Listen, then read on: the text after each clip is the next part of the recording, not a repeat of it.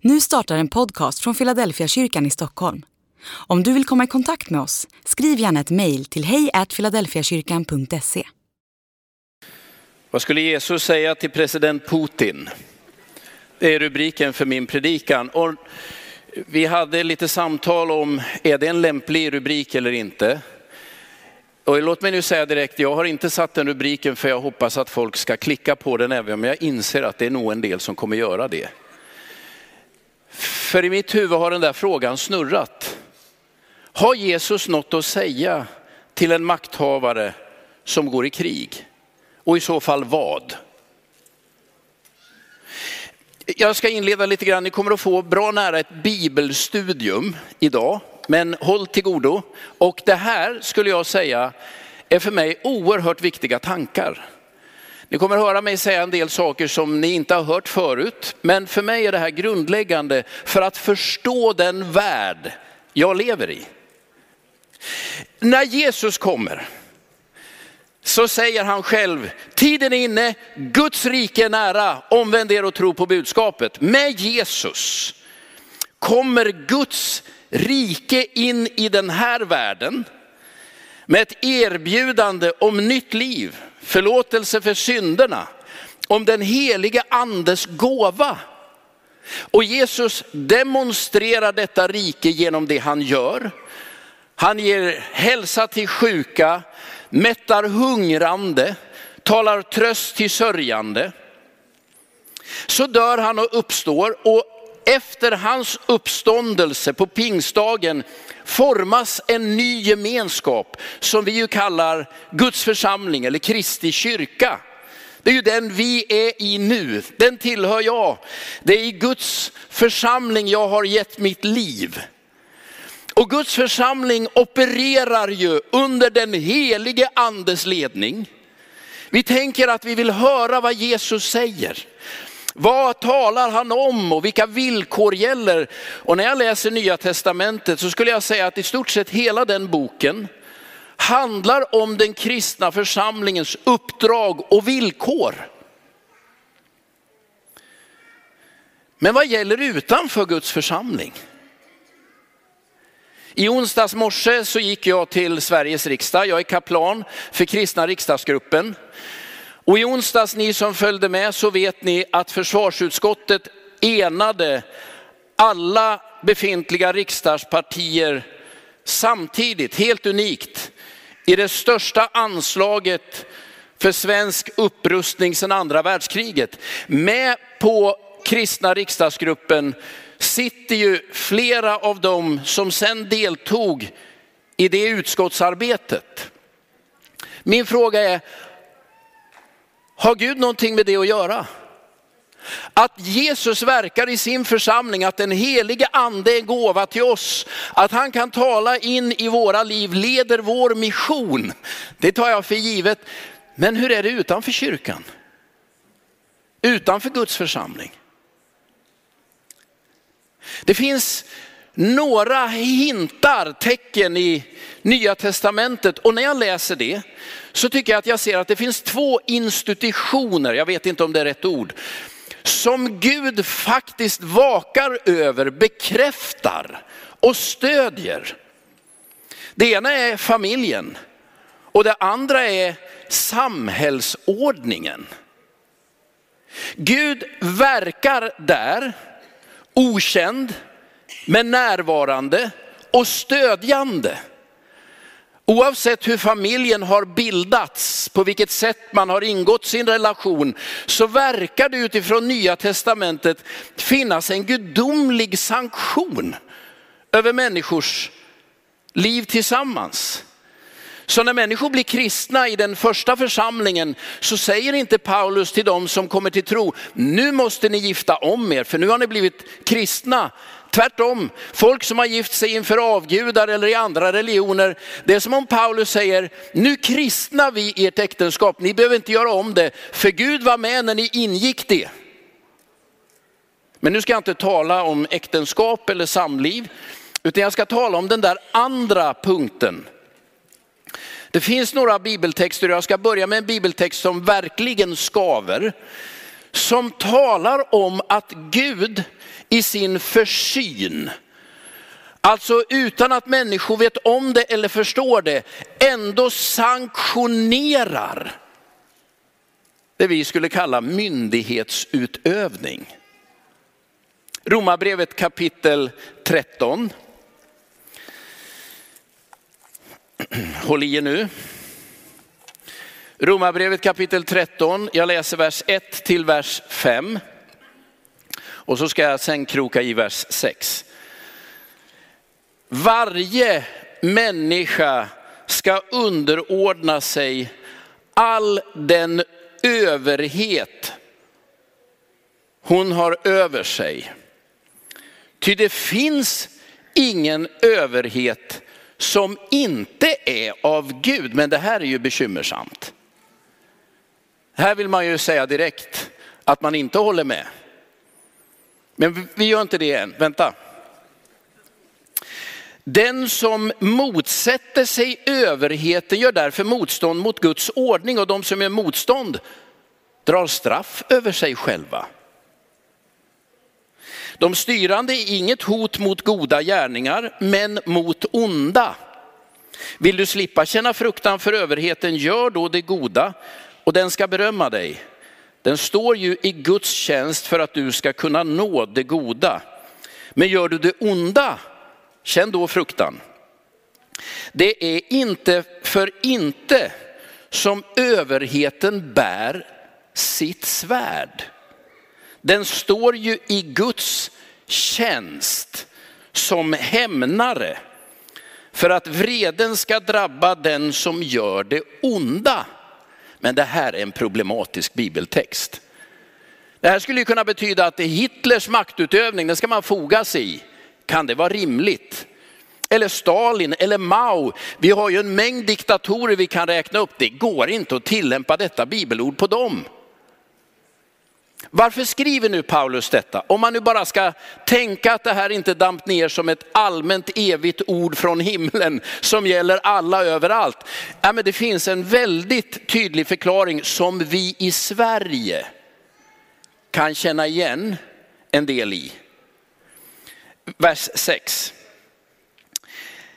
Det är ju därför ni betalar skatt till de styrande i Guds tjänare när de vakar över allt sånt. Detta handlar om skatt, kära vänner. Det var skatteuppror i romarriket. Det har väl varit på gränsen i våra delar av världen också.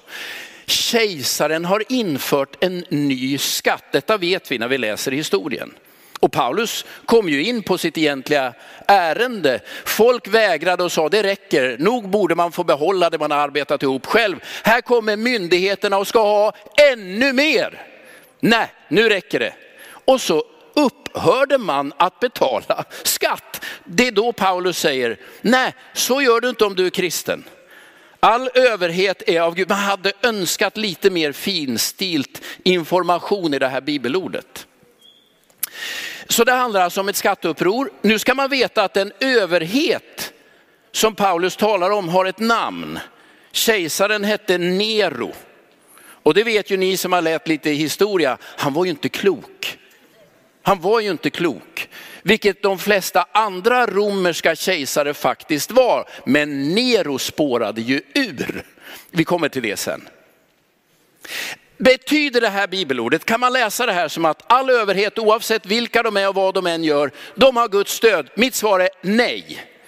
Om man läser det här bibelordet, sätter det i sitt sammanhang, så skulle jag säga att det finns en väldigt tydlig gudomlig tanke, en gudomlig sanktion.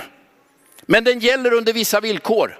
Vad är överhetens roll säger Paulus? Överheten har att hålla emot det onda och befrämja det goda.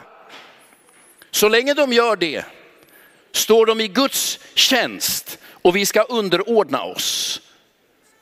Ingenstans talar Paulus här om en överhet som begår övergrepp, som kränker människors rättigheter och värdighet. Nej, han säger överheten står i Guds tjänst för att vi ska kunna göra det goda och för att hålla emot det onda. Och så länge överheten gör det skulle jag säga att det finns en gudomlig sanktion. Jag vet ju att några av er här inne har iklätt er politiska uppdrag, har haft det på olika sätt. Ni finns i det där systemet som vi i Sverige kallar myndigheter eller politik, eller som Paulus skulle kalla överhet. Vad är uppdraget för en politisk befattningshavare i Sverige? En myndighetsperson i Sverige? Ja, om man läser det Paulus säger och som jag menar Gud ytterst är avsändare av, så är varje myndighetsutövning sanktionerad av Gud när den befrämjar det goda och motar det onda. Och det som är intressant är ju att Paulus verkar ta för givet att alla människor kan begripa vad som är gott och vad som är ont. Det behöver man inte förklara.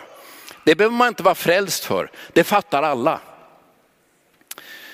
Men sen finns ju det här svåra bibelordet där han säger att det är inte för inte som överheten bär svärdet som Guds hämnare. Usch, det är magstarkt. Får jag fråga, har vi någon polis här inne?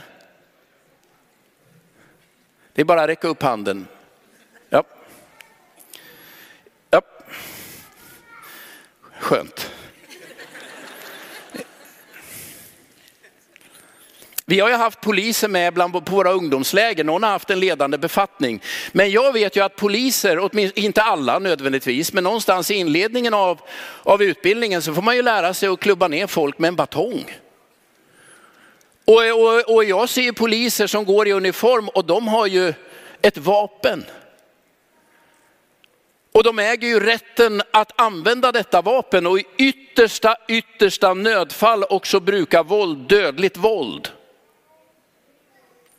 Och jag tillhör de som tänker att ja, om det blir nödvändigt som den yttersta utvägen så får det vara så. Vad är rollen man har som polis? Om jag läser bibelordet, tänker på vad skriften säger och vad Gud sanktionerar, så är ju polisens roll att mota det onda och befrämja det goda. Men om polisen någon gång använder övervåld eller oprovocerat våld, har ni tänkt på att det finns få saker man blir så upprörd över? Att missbrukare eller människor som inte har ordning på sitt liv spårar ur, det fattar man. Men en polis får bara använda våld i yttersta nödfall och då för att förhindra det onda och skydda de som ska ha skydd. Jag läser Bibeln som att Gud befrämjar den ordningen. Gud har gett sin sanktion till denna ordning, men det finns tydliga restriktioner. Ingen myndighetsperson, ingen maktutövare äger Guds mandat att göra det onda och trycka tillbaka det goda. Då är man utanför sitt operationsområde.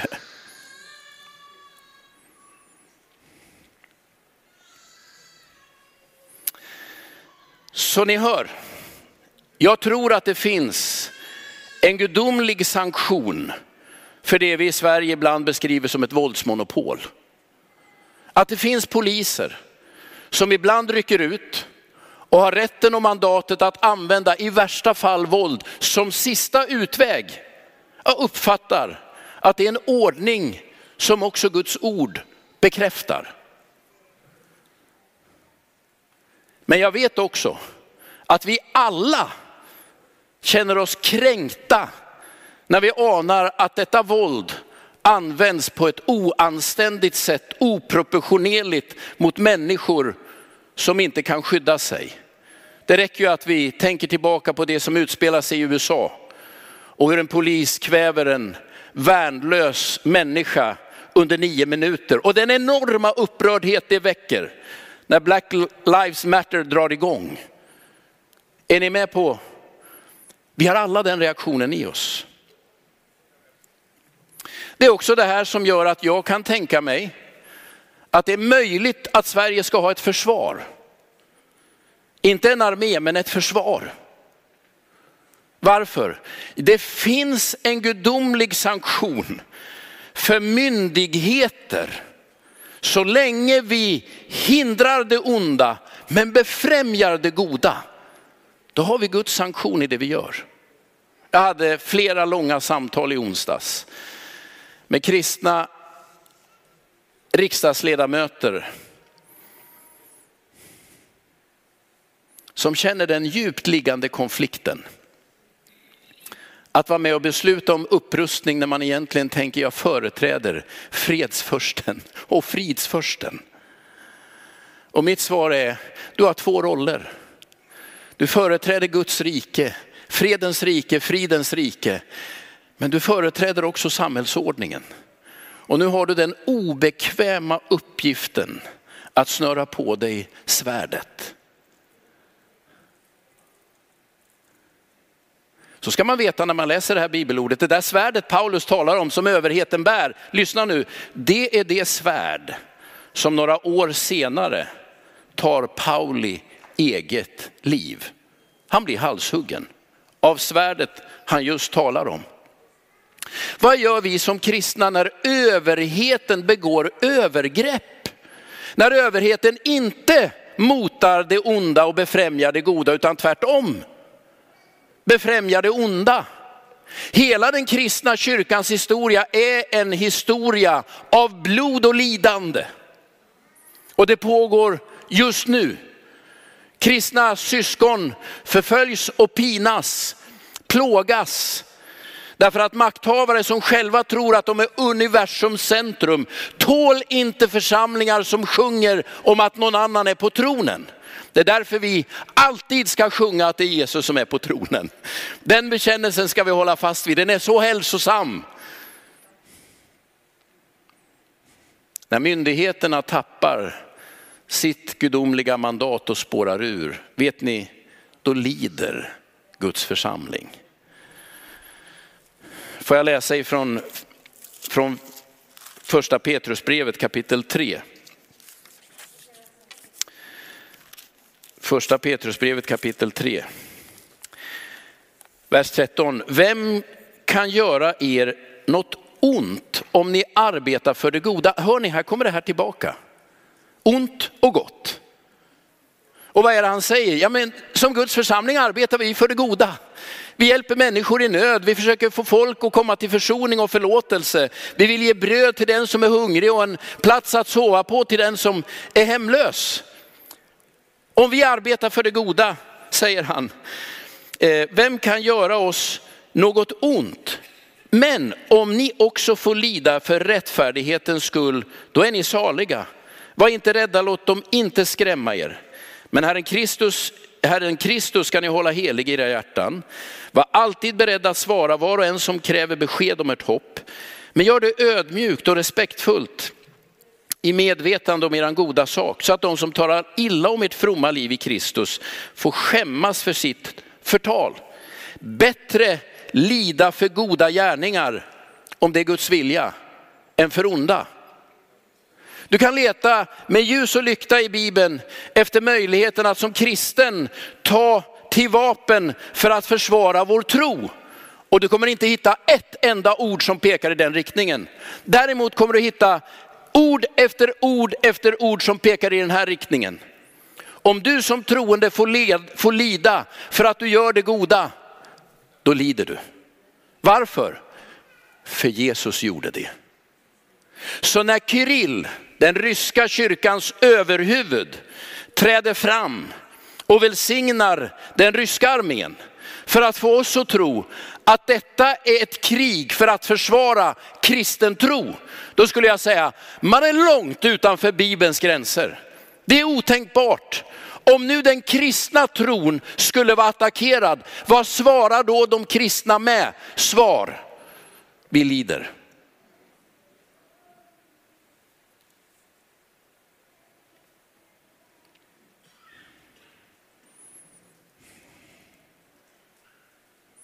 Men ska vi alltid lyda? Nej, det ska vi inte. Trots det Paulus skrev i Romarbrevet 13, att all överheten är av Gud och att man ska lyda den, annars drar man straff över sig. Så är det faktiskt så att det finns, det finns skäl att säga hit men inte längre. I Apostlagärningarna kapitel 4 och kapitel 5 så säger det ledande rådet, den politiska lokala myndigheten i Jerusalem till Petrus och Johannes, nu är det färdigpredikat om Jesus. Jag tror att jag har skrivit det. Då svarar Petrus följande, Apostlagärningarna 5 och 29. Äh, man måste lyda Gud mer än människor.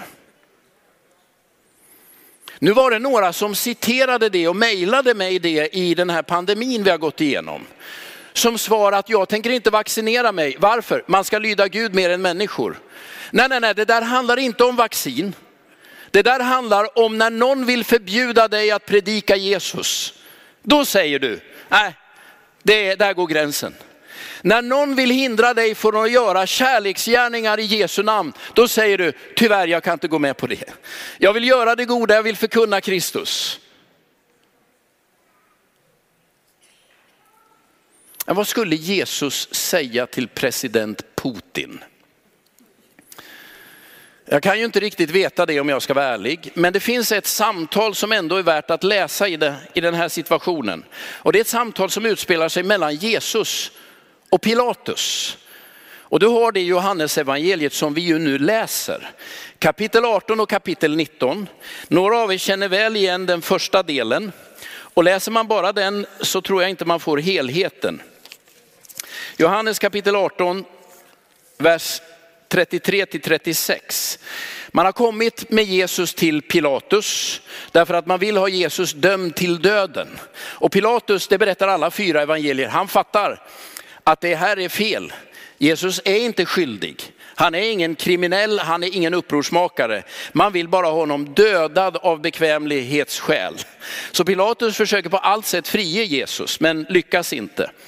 Och så utspelar sig ett samtal mellan Jesus och Pilatus. Pilatus representerar romarriket.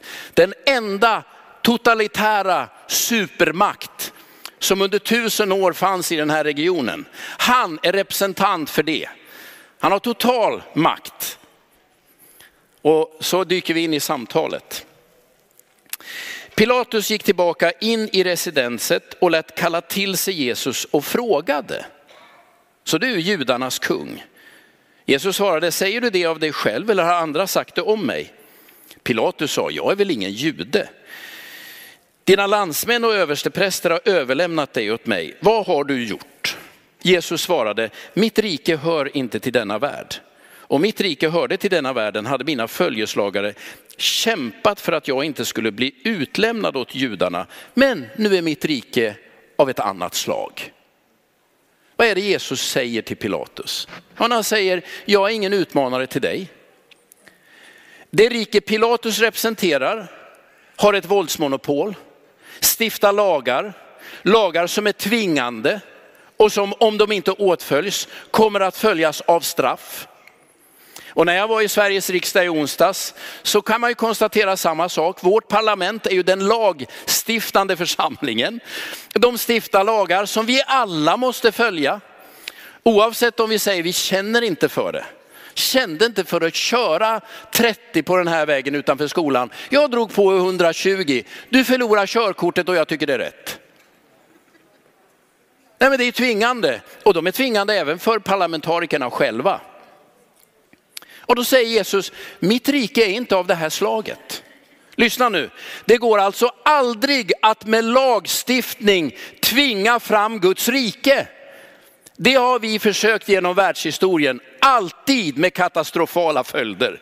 Det går inte att använda maktmedel, tvång, tryck, hot för att få människor att bli kristna. Det har vi försökt, jag ber om ursäkt, det är katastrofalt.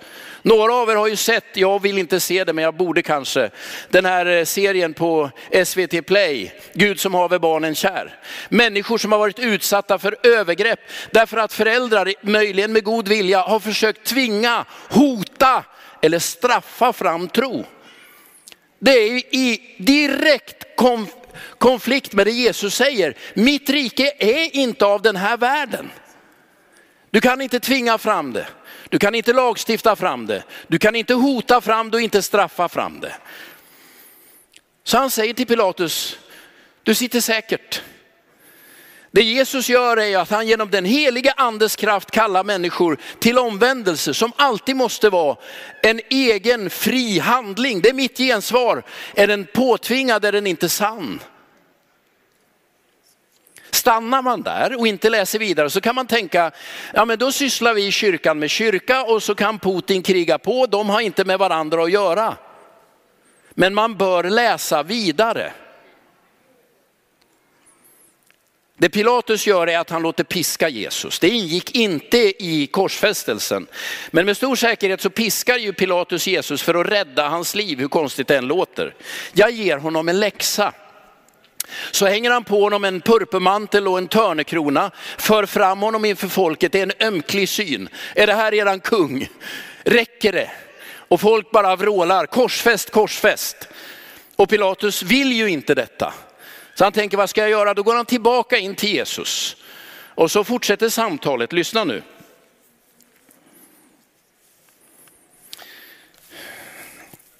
Kapitel 19, vers 10 och 11. Pilatus sa, vägrar du att tala med mig? Vet du inte att jag har makt att frige dig och makt att korsfästa dig?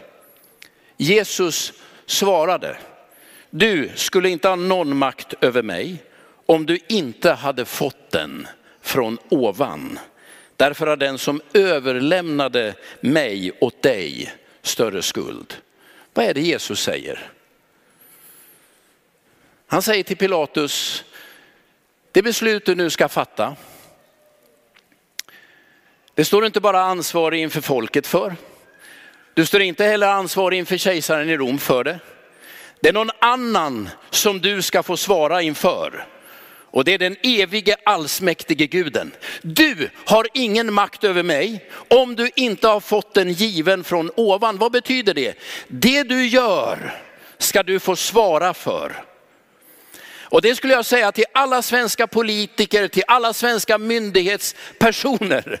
Ja, vi är ansvariga i en valrörelse som ska igång i höst och man får förnyat förtroende och riksdagen och uppdragsgivare. Men jag vill lägga till en sak till. Som myndighetsperson är du ytterst ansvarig inför Gud. Och ni som är poliser, ni som finns i skola, ni har ingen makt om ni inte hade fått den given från ovan. Och vad är den given till?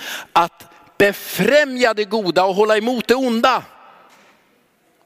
Och du kommer få svara för det. Vad skulle Jesus säga till Putin? President Putin. Absolut, att han ska sluta. Jag tror han skulle säga precis samma sak som till Pilatus. Du har ingen makt annat än den du har fått av Gud. Och du kommer en dag att få svara för varenda handling du har gjort och dess konsekvenser.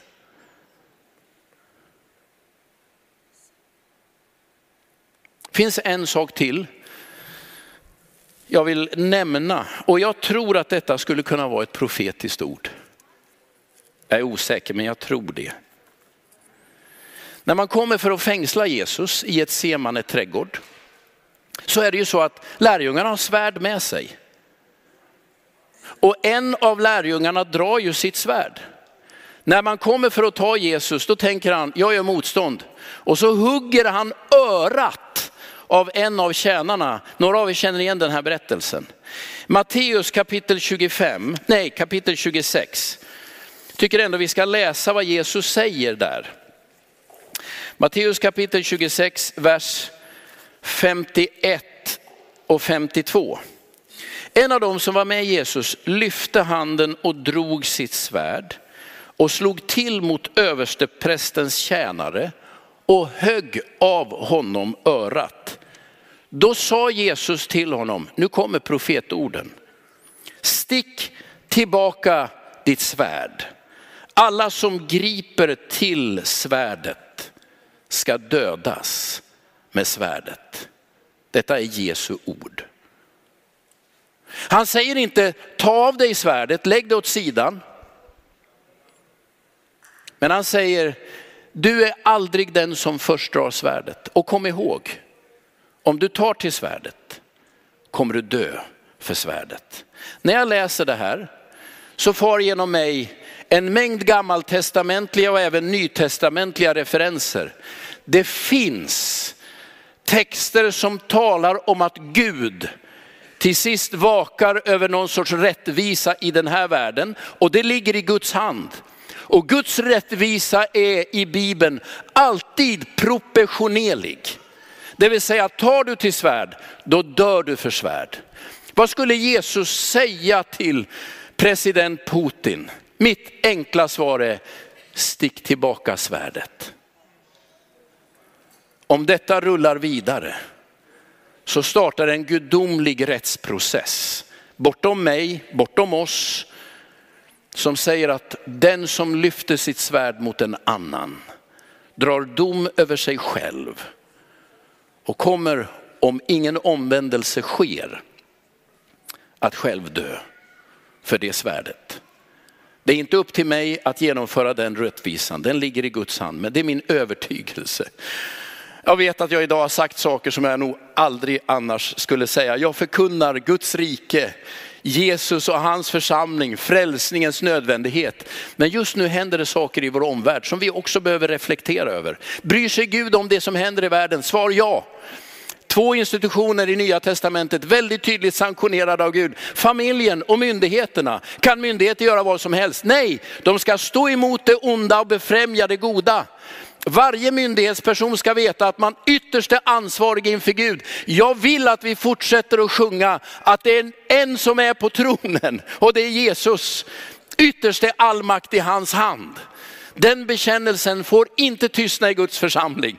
Och det är en påminnelse för alla myndighetspersoner om vart man har sitt ansvar. Finns det ett våldsmonopol? Ja, för att hålla emot det onda och befrämja det goda. Men när man drar sitt svärd utan att det är fog för det, drar man dom över sig själv. Så läser jag Guds ord. Och det är Jesus själv som uttalar en del av detta. Nu är jag tacksam för att Gud är så mycket mer barmhärtig. Och full av nåden, ja.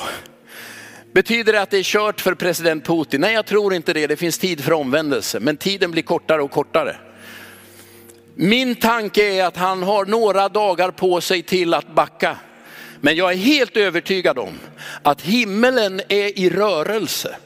Även om vi inte kan se och uttolka allt detta. Gud vakar över hela sin skapelse. Mitt i den gamla skapelsen, märkt av synd och förtvivlan, verkar Gud okänd men tydligt närvarande. I församlingen är en ny skapelse på gång och jag är glad att det är den jag företräder. Några av er har dubbla roller i myndigheter i den gamla skapelsen som medlemmar i den nya skapelsen. Jag tänker, är man kristen bör man vara ännu mer återhållsam när det blir våld eller kritiska situationer. Men jag menar nog att det i skriften finns fog för både polis och försvar. Men med tydliga begränsningar. Jag vet inte om det här gjorde er något klokare. Men jag tror att man ska läsa skriften mitt när världen står i brand. Och så ska vi tänka att Gud är verksam i sin församling. Jag fick fantastiska vittnesbörd från Mariupol. Ni vet den där staden som ryssarna nu bombar sönder. Där har vi en kristen församling. Och i, i, Lena Tellepo berättar att i, i Pingst internationellt berättade man i fredags att den lilla pingstförsamlingen i Mariupol som är en spillra, de delar med sig bröd och vatten till de ryska soldaterna. Mitt i kriget, varför? Vi företräder fridsfursten och fredsfursten. Och det är ett lidande på alla sidor i den här konflikten. Gud låt det ta slut. Och min bön är att den heliga ande nu skulle viska till president Putin, vänd tillbaka. Det går aldrig att välsigna ett krig i Jesu namn. Aldrig. Det går inte att dra ikoner hur mycket man än försöker för att rättfärdiga blod för Guds rike. Vi som företräder det, vi lider om det behövs. Vi gör det goda, bekämpar det onda. Ta den här tanken med er. Så vill jag bara be en bön för myndighetspersoner nu. För politiker som ska fatta beslut som är ont långt in i kroppen. Här vid sidan, bara på den sidan kommer vi att ställa upp lite förebedjare. Och då tänker jag, ni som är, om ni vill, ni som är poliser, ni som finns i skolan, ni som företräder det vi kallar myndigheter, inte överhet i Sverige, myndigheter. Idag kanske vi skulle få lägga händerna på er och be. Att Gud får beskydda er och hjälpa er och navigera i era roller. För ni har en upp, ett uppdrag i den här världen, men ni har också ett uppdrag som företrädare för Guds rike. Två roller att hålla ihop och hålla isär. Så alldeles strax är den böneplatsen öppen. Dit är du välkommen som har andra bönämnen. För din hälsa, för din familj, för omständigheter, för oro i hjärtat i den situation som är nu. Men jag vill ändå lite stryka under. Du som är i ett politiskt uppdrag, en förtroenderoll, du som är i myndighetsfunktion, polis, du som finns i armén, militären. Låt oss om du vill bara få be om Guds beskydd över dig i den här tiden. Att du kan bevara kärleken från Jesus i ditt hjärta och samtidigt ta den roll som Gud ger dig i den tid som kommer. Herre Jesus, jag tackar dig för ditt levande ord. Jag tackar dig för ditt rike. Tackar dig för kärlekens, fredens och fridens rike. Du är underbar i råd, väldig Gud, evig fader och fredens förste. Det vi ber är låt ditt rike komma. Låt din kärlek och ditt ljus sprida sig. Där strid och krig pågår, låt kärlekens gärningar få lysa. Vi tackar dig för vittnesbördet från Mariupol, för vittnesbördet om vad din församling gör i strider och lidande. Och så vill jag idag be en allvarligt menad bön för president Putin.